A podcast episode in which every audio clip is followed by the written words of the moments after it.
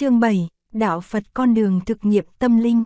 Đạo Phật tuy được nhận thức là một tôn giáo nhưng kỳ thực không giống phần lớn các tôn giáo khác của nhân loại.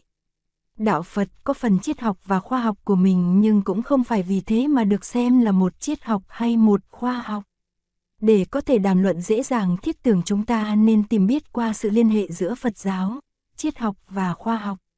Trong lịch sử nhân loại, tôn giáo đến trước triết học và khoa học, và có liên hệ rất mật thiết với thần thoại. Thần thoại là kết quả của khuynh hướng giải thích và giải quyết của trí óc con người cổ thời về các hiện tượng trong vũ trụ. Tuy triết học và khoa học cũng nhắm đến mục đích giải thích sự vật để làm nền tảng cho hành động, triết học và khoa học vẫn không có được những liên hệ chặt chẽ với thần thoại như là tôn giáo. Triết học khi chưa tách rời ra khỏi thần học thì chưa xứng đáng được gọi là triết học mà chỉ là một khí cụ của thần học thần học chỉ là để biện minh và thích nghi cho tôn giáo vào xã hội. Bản chất và khuynh hướng giải thích của tôn giáo về tự nhiên giới và nhân sự giới không xa với bản chất và khuynh hướng thần thoại làm ấy. Những gì tôn giáo nói ra đều được xem như là chính thức dựa trên sự khai mở của thần linh và vì vậy căn bản của tôn giáo là đức tin. Triết học cũng muốn có một cái nhìn tổng quát như tôn giáo nhưng muốn được vô tư hơn và duy lý hơn. Nhưng đến khoa học thì cách nhìn trở thành chi ly, tuy được dựng trên thực nghiệm chắc chắn. Đứng giữa tôn giáo và khoa học và không xây dựng trên yếu tố tín ngưỡng, triết học muốn luôn luôn nương vào thực nghiệm khoa học để tìm chân đứng cho vững trái, trong khi vươn cánh tới những chân trời mà khoa học không hoặc chưa nhìn thấy được, những chân trời mà tôn giáo tự cho là đã biết rồi. Thế nên triết học đóng vai trò trung gian, một mặt dựa trên các phát minh khoa học bài xích những ngây thơ sai lạc của một số các tôn giáo, nâng đỡ và khích lệ cho các tôn giáo nào mà chủ trương phù hợp sự thực, một mặt nêu ra và thuyết minh những điều khoa học không biết đến hoặc chưa biết đến. Những điều này, tuy còn ở trong phạm vi lý tưởng nhưng có thể là đối tượng sau này của khoa học thực nghiệm. Và cũng vì mang sứ mạng khảo sát tín ngưỡng và hướng dẫn phát minh, triết học được xem như là một động cơ xúc tiến cho sự gạn lọc của tôn giáo và sự tiến bộ của khoa học. Đạo Phật không phải là một tôn giáo theo nghĩa những chân lý thần khải không thể kiểm điểm mà chỉ có thể tiếp nhận bằng đức tin. Đạo Phật trước hết là những phương tiện chỉ dẫn thực nghiệm tâm linh để khám phá thực tại. Kinh sách có giá trị như những đồ biểu hướng dẫn và phương pháp thiền quán có giá trị như một con tàu để đưa người hành giả tới bến bờ hiểu biết và để thực hiện sự hiểu biết ấy trong sự sống bản thân và sự sống xã hội. Chữ bắt có nghĩa là hiểu biết do đó có chữ Buddha, người hiểu biết, và sau này chữa Buddhism, con đường của sự hiểu biết. Hiểu biết ở đây không phải là cái hiểu biết sách và kinh điển mà là bản thân của chính thực tại hiện rõ dưới khả năng trí tuệ bát nhã, prana, chỉ có thể đạt đến do công phu tu tập thiền quán. Người Phật tử không khởi hành bằng một mớ vôn liếng kiến thức siêu hình không có nền tảng thực nghiệm, mà bằng những nhận thức được thực nghiệm bảo đảm. Người Phật tử không bắt đầu bằng một đức tin có tính cách may rủi mà bằng một sự cân nhắc cẩn thận những nguyên lý và những phương pháp do Đạo Phật đề nghị. Đạo Phật mời con người thí nghiệm những phương pháp của nó. Điều này chứng tỏ Đạo Phật khác hẳn các tôn giáo mà trong đó ý niệm về, theo từ, được xem như là bất tín và phạm thượng. Theo nguyên tắc Đạo Phật, một cá nhân nào đó khi muốn bước vào con đường thực nghiệm, phải khảo sát những nhận thức mà Đạo Phật xem như là căn bản, rồi khi đã chấp nhận những nhận thức ấy thì kiểm điểm lại nguyên tắc thực hành rút ra từ những nhận thức kia. Khi đã kiểm nhận kỹ lưỡng rồi, cá nhân ấy mới bên bước vào con đường thực nghiệm với thái độ cương quyết nhưng hết sức tỉnh táo, khách quan. Nếu sự thực nghiệm không mang lại kết quả thì phải bắt đầu trở lại, và nếu quả thực phương thức đề nghị không thích hợp thì phải bỏ đi để chọn một phương thức khác. Tuy nhiên không phải người Phật tử nào cũng đi được con đường đó. Có những người mà vì căn cơ yếu đuối hơn nên phải chọn một trong những con đường thi thiết của đạo Phật. Chữ thi thiết đây có nghĩa là những phương tiện thích hợp với căn tính của những người không đủ sức một mình một ngựa sông pha trên đường thực nghiệm. Và cũng vì vậy trong 8 vạn 4 ngàn nẻo vào chân lý, có những nẻo để dành cho đức tin. Giáo lý tịnh độ chẳng hạn, là một giáo lý căn cứ trên đức tin và thích hợp với một số người không phải nhỏ và số người nhờ cửa ngõ tịnh độ để bước lên ngưỡng cửa thiền cũng không phải là không đáng kể. Tuy nhiên vì đạo Phật luôn luôn chú trọng thực nghiệm và lý trí nên đức tin của người Phật tử không phải là một đức tin vô điều kiện. Theo sự tiến hóa của tâm linh, đối tượng của niềm tin càng ngày càng thay đổi, biến chuyển để đi đến sáng tỏ.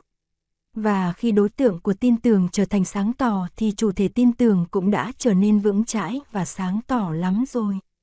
Tin ở đây là một quá trình tiến bộ. Đạo Phật không phải là một nền triết học, bởi vì đạo Phật không có ý định miêu tả và giải thích thực tại bằng những hệ thống tư tưởng dựa trên căn bản suy luận và khái niệm.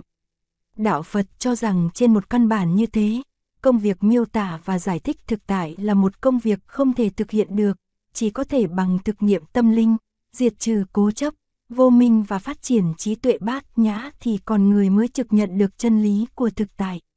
Tuy nhiên, nhận định sự cần thiết của những đồ án hướng dẫn công cuộc thực hiện trí tuệ bát nhã, đạo Phật thi thiết những giáo lý mới nhìn qua thì in tuồng như là những giải quyết có tính cách triết học nhưng kỳ thực chỉ là những phương tiện hướng dẫn, những bản đồ, những ngón tay chỉ mặt trăng.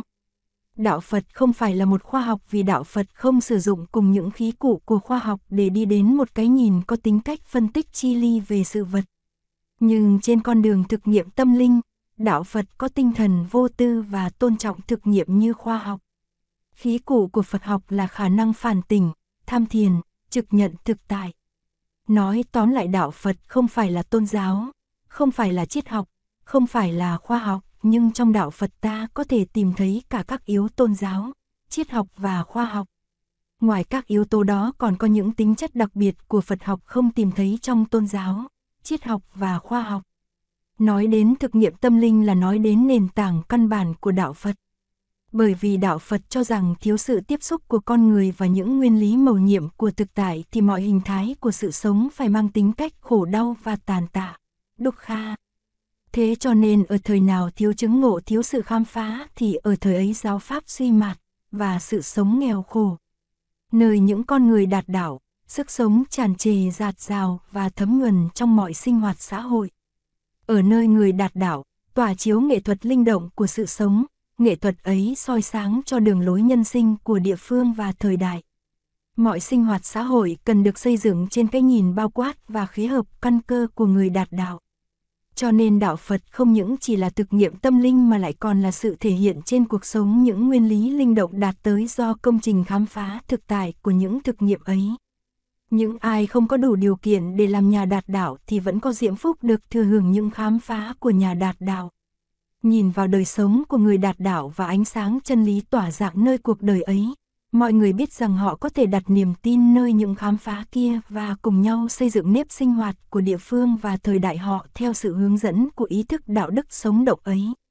Như thế ta thấy có hai hạng người theo đạo Phật, hạng thứ nhất, rất ít, gồm những người tự dấn thân vào con đường khám phá, và hạng thứ hai rất đông, thừa hưởng những khám phá ấy để xây dựng sự sống ta cũng nên nhớ rằng sự khám phá phải được liên tục thực hiện bởi vì thực tại thì linh động và xã hội thì luôn luôn biến chuyển, những khám phá cũ có khi không còn thích hợp với xã hội mới. Đức tin của con người nơi sự khám phá của những người đạt đạo trong đó có Đức Phật, tuy cũng là đức tin nhưng quả thật không giống với đức tin có tính cách rủi may của rất nhiều tôn giáo khác. Nó được hình thành bởi nhận xét ít nhiều có tính cách thực nghiệm, và trong đó yếu tố lý trí đóng một vai trò quan trọng. Để hiểu rõ thêm về bản chất của đức tin trong đạo Phật, ta nên đọc lại đoạn này trong kinh Kalama.